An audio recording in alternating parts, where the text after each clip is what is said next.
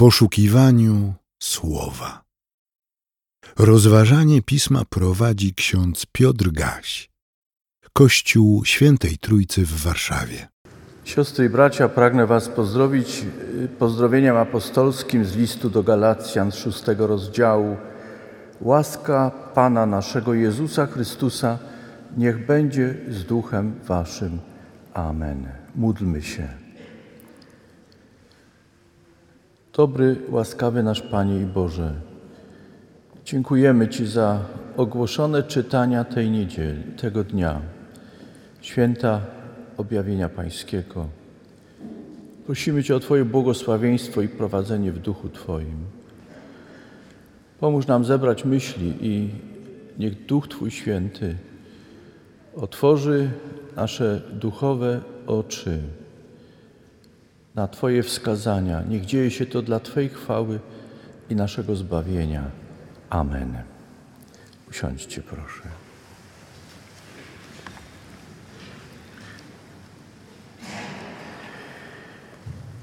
Siostry i bracia w Chrystusie, w okresie świąt Narodzenia Pańskiego,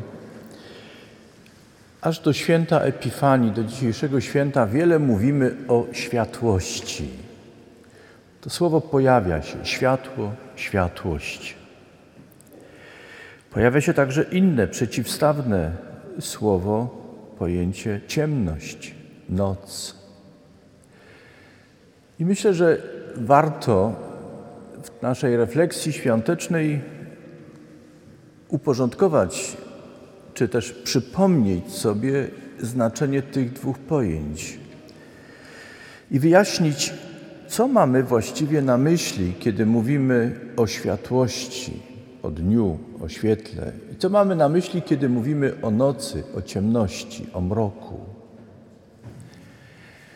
Kiedy sięgamy do Księgi Rodzaju, wyraźnie czytamy, iż Bóg, stwarzając świat, porządek tego świata, ustanowił dzień i noc.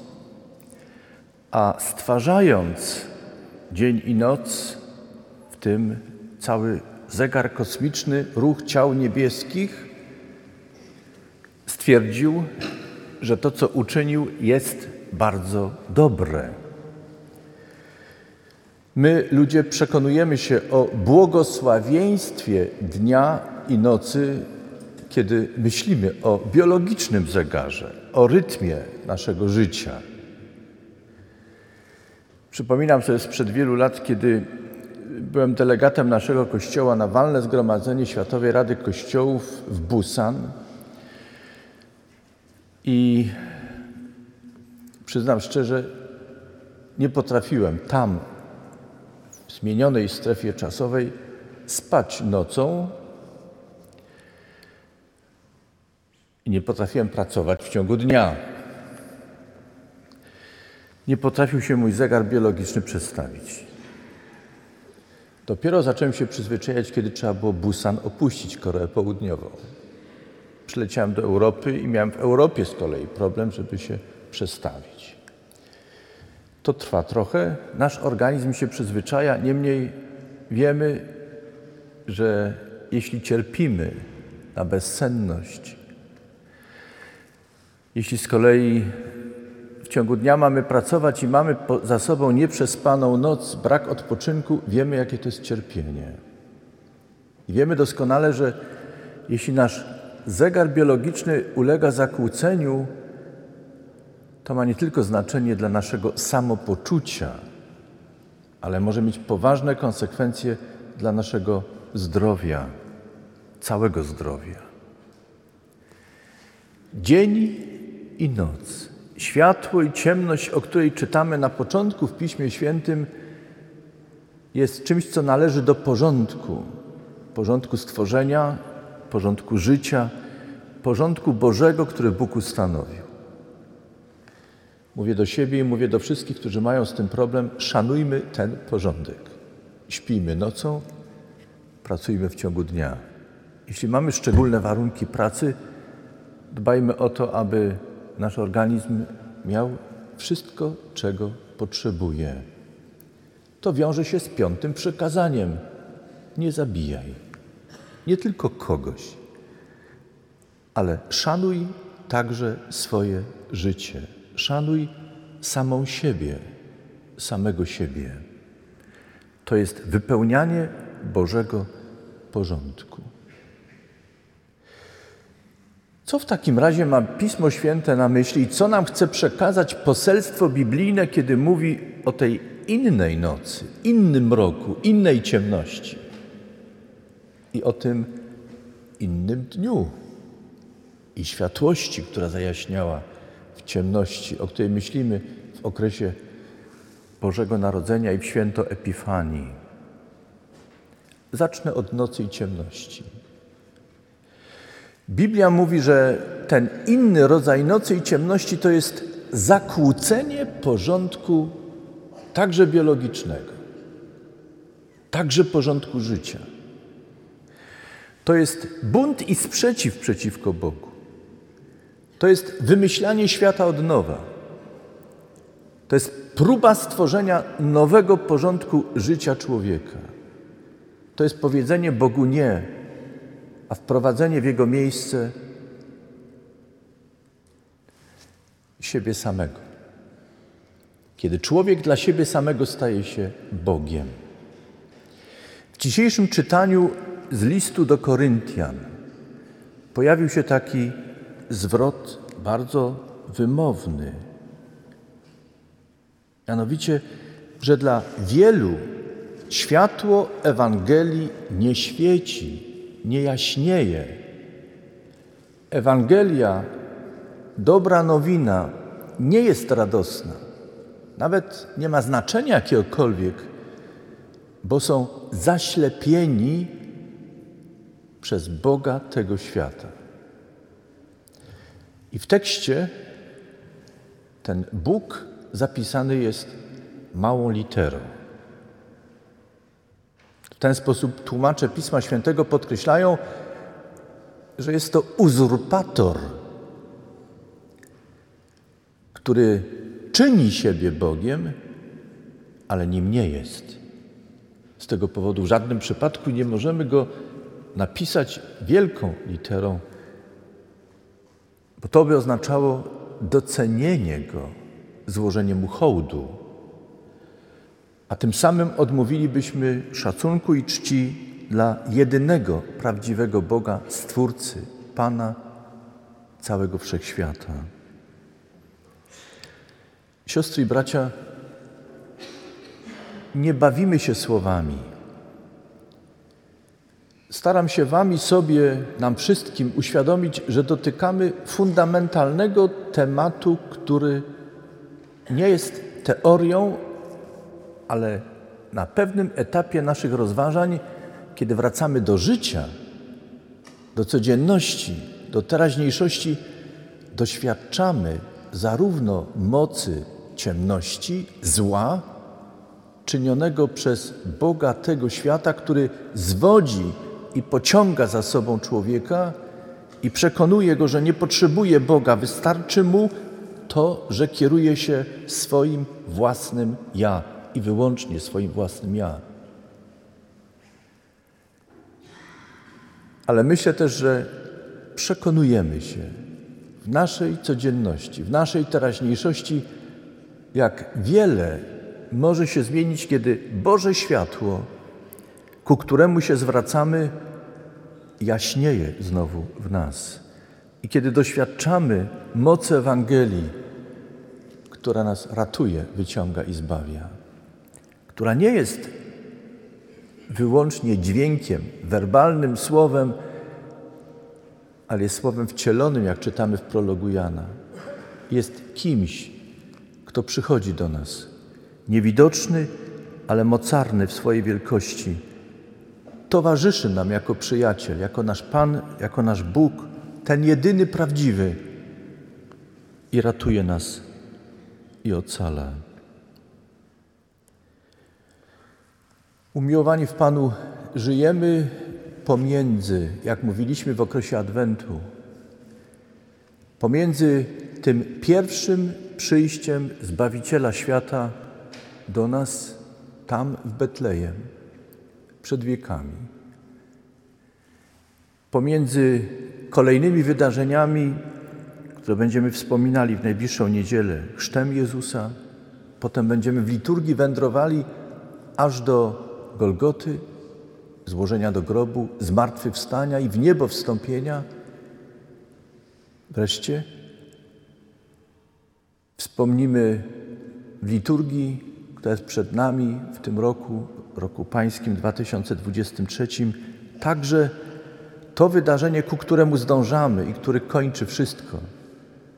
To jest paruzja Chrystusa, Jego przyjście powtórne na świat, by ostatecznie rozdzielić to, co jest władzą, siłą niszczącą, burzącą Boga tego świata, świata, diabła i wszystkich, którzy idą w Jego ślady i Jemu sługują, służąc wyłącznie własnemu ja. Ciemność ta zostanie oddzielona od światła, którą jest Bóg.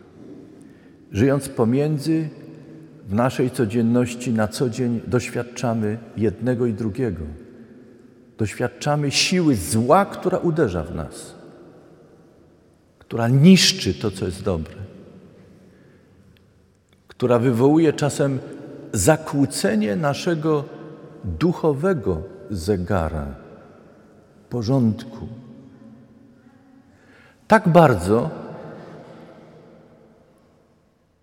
że wydaje nam się czasem, iż noc, ciemność, mrok jest silniejszy od światłości.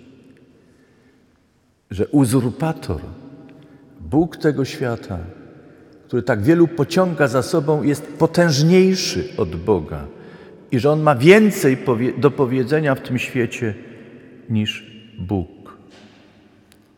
Ulegamy czasem takiej ułudzie.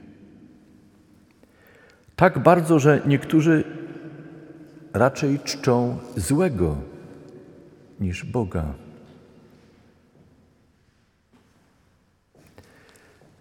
Bóg przywróci wszystko właściwemu porządkowi.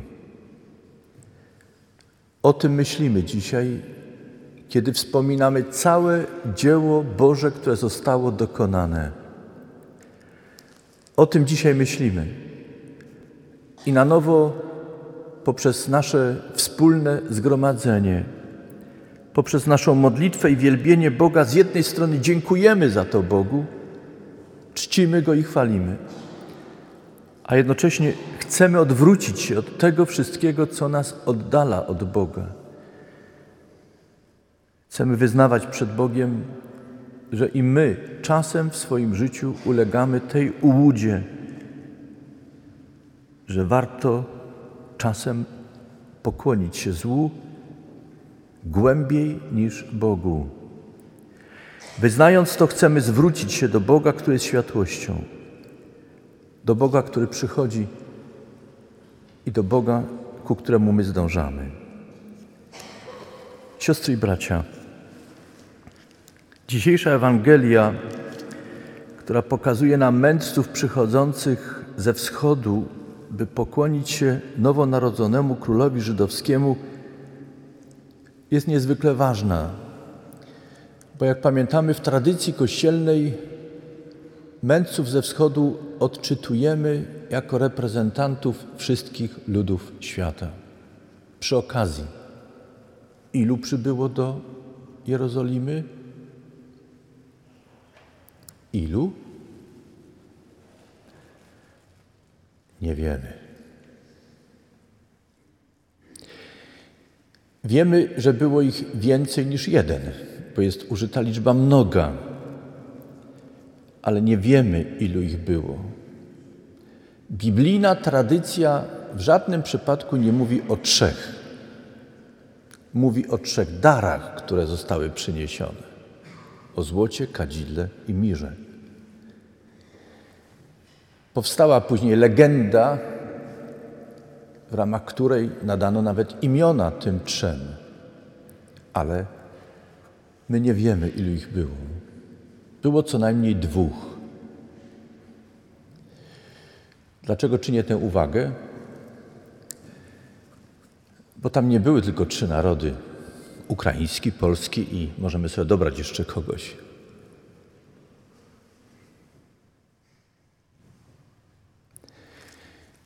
Mędrcy ze wschodu są reprezentantami wszystkich innych ludów niż żydowski, ludów pogańskich. To ma niezwykłe znaczenie dla całego odczytywania objawienia Bożego. Przy innej okazji rozwinę ten wątek. Ale chciałbym, żebyście to zapamiętali. Nawet jeśli używamy tego określenia czasem trzech króli, to jest to nazwa związana z legendą. Obchodzimy święto objawienia Pańskiego. Wspominamy przybycie do Jerozolimy przedstawicieli ludów świata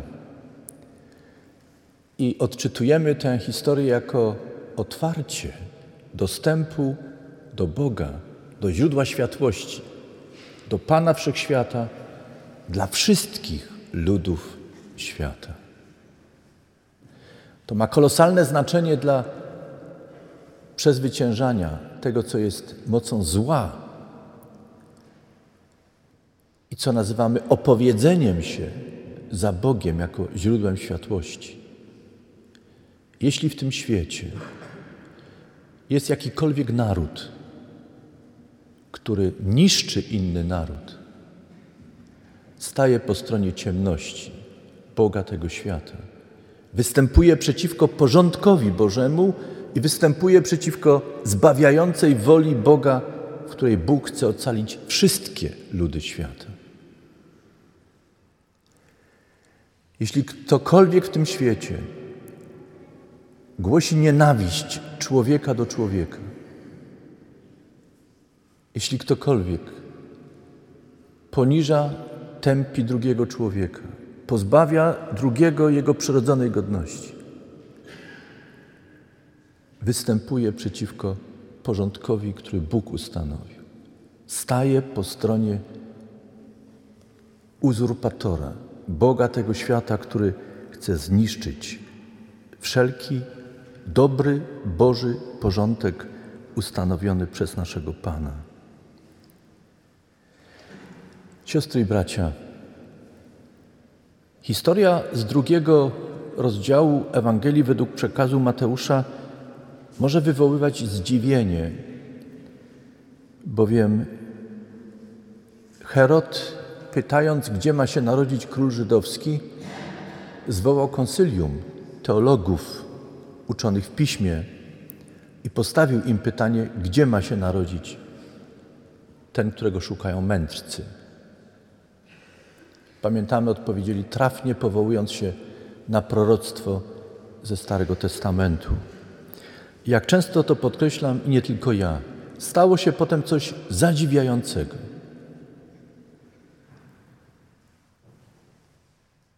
Kiedy mędrcy poznali odpowiedź, gdzie ma się narodzić Zbawiciel, Mesjasz, poszli do Betlejem. Ruszyli się z miejsca. Poszli. Odnaleźli. Złożyli mu pokłon. Co zrobili mędrcy, co zrobili inni mędrcy uczeni w piśmie? Co zrobili? Wedle relacji Mateusza nic.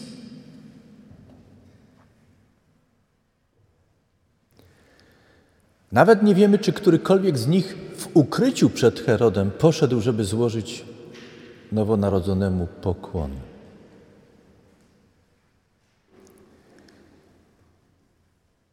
My, którzy uczestniczymy w lekcjach nauczania kościelnego, po części jesteśmy uczonymi w piśmie.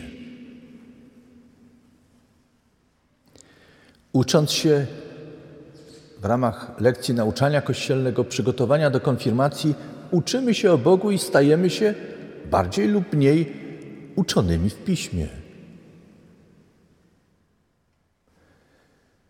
Siostry i bracia, najmłodsi i najstarsi spośród nas, proszę Was, żebyście te odpowiedzi, które poznaliście i znacie, żebyście je zachowali w swoich sercach. Nawet jeśli wszystkiego nie ogarniacie, z czymś się nie zgadzacie, z czymś wręcz polemizujecie wewnętrznie, nie odrzucajcie tego. Bądźcie jak Maria, matka Jezusa. Zachowujcie to w swoim sercu. Bądźcie jak apostołowie. Pozwólcie poprowadzić się Słowu Bożemu przez swoje życie. Dajcie sobie i przede wszystkim dajcie Bogu czas, żeby w drodze, w drodze z Nim, w Waszej codzienności, Bóg Wam odsłaniał to, co dziś jest jeszcze być może zakryte. Dajcie więc sobie w ten sposób szansę i dajcie Bogu szansę, by przeżyć z Bogiem wspólnie przygodę życia i chodzić w światłości.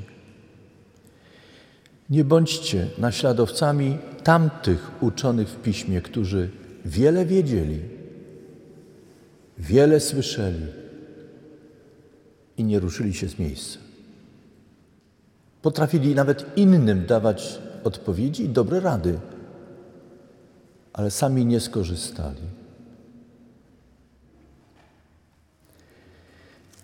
Stając kiedyś przed Bogiem, będziemy odpowiadali nie tyle z tego, co wiedzieliśmy i ile wiedzieliśmy. Stając kiedyś przed Bogiem, będziemy zdawali sprawę z tego, co zrobiliśmy z tym, co wiedzieliśmy.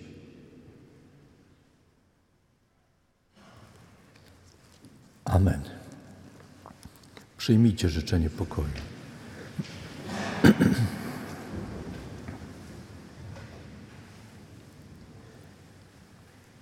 A sam Bóg pokoju niech nas w zupełności poświęci, aby duch nasz, dusza i ciało były zachowane bez nagany na dzień przyjścia i spotkania z Panem naszym, Jezusem Chrystusem. Amen.